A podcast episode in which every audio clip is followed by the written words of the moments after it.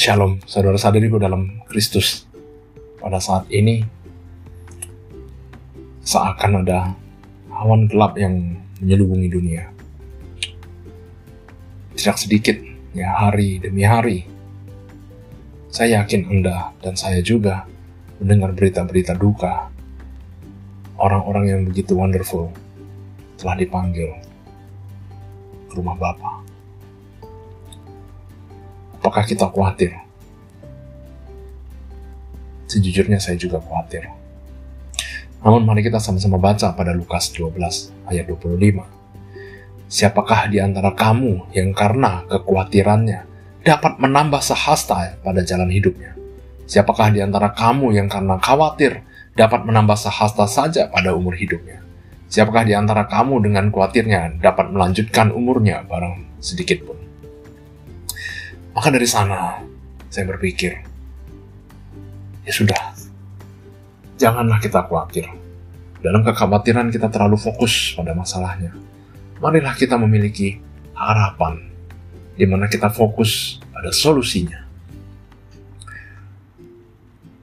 Pada Yesaya 41 ayat 10, Janganlah takut sebab aku menyertai engkau. Janganlah bimbang sebab aku ini Allahmu. Aku akan meneguhkan, bahkan akan menolong engkau. Aku akan memegang engkau dengan tangan kananku yang membawa kemenangan. Saudara-saudariku, ia telah berkata demikian. Percayalah pada kata-katanya bahwa tangan kanannya akan memegang engkau dan membawakan kemenangan atas apa pun itu yang datang. Mari kita semua men-channel energi kita kepada harapan, kepada arah-arah yang dapat memberikan keselamatan. Hiduplah terlepas dari rasa takut. Lepaskan kekhawatiran.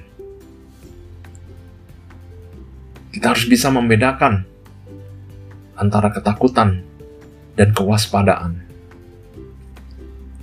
antara keberanian dengan kebodohan Jangan takut bukan berarti melakukan hal-hal bodoh.